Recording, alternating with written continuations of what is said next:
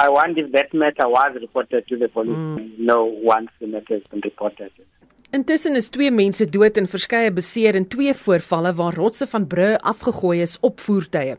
In die eerste voorval in Tongaat aan die KwaZulu-Natalse kus, was 'n gesin van 4 in die voertuig toe die rots die voertuig getref het. 'n Seentjie is in die voorval dood. In nog 'n voorval in Gauteng op die N12 naby Alberton, is 'n rots van 'n brug afgegooi op 'n bakkie. Die bakkie het gerol.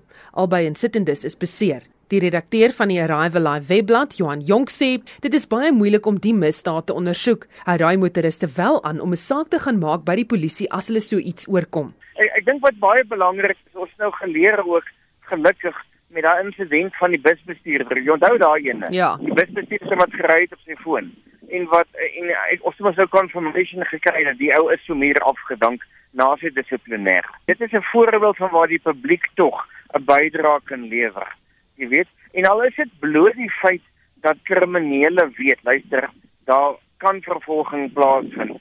Hulle kan uh, gearresteer word. Daar is meer oë as net polisiebeamptes en verkeersbeamptes. Dan het dit tog 'n bydrae.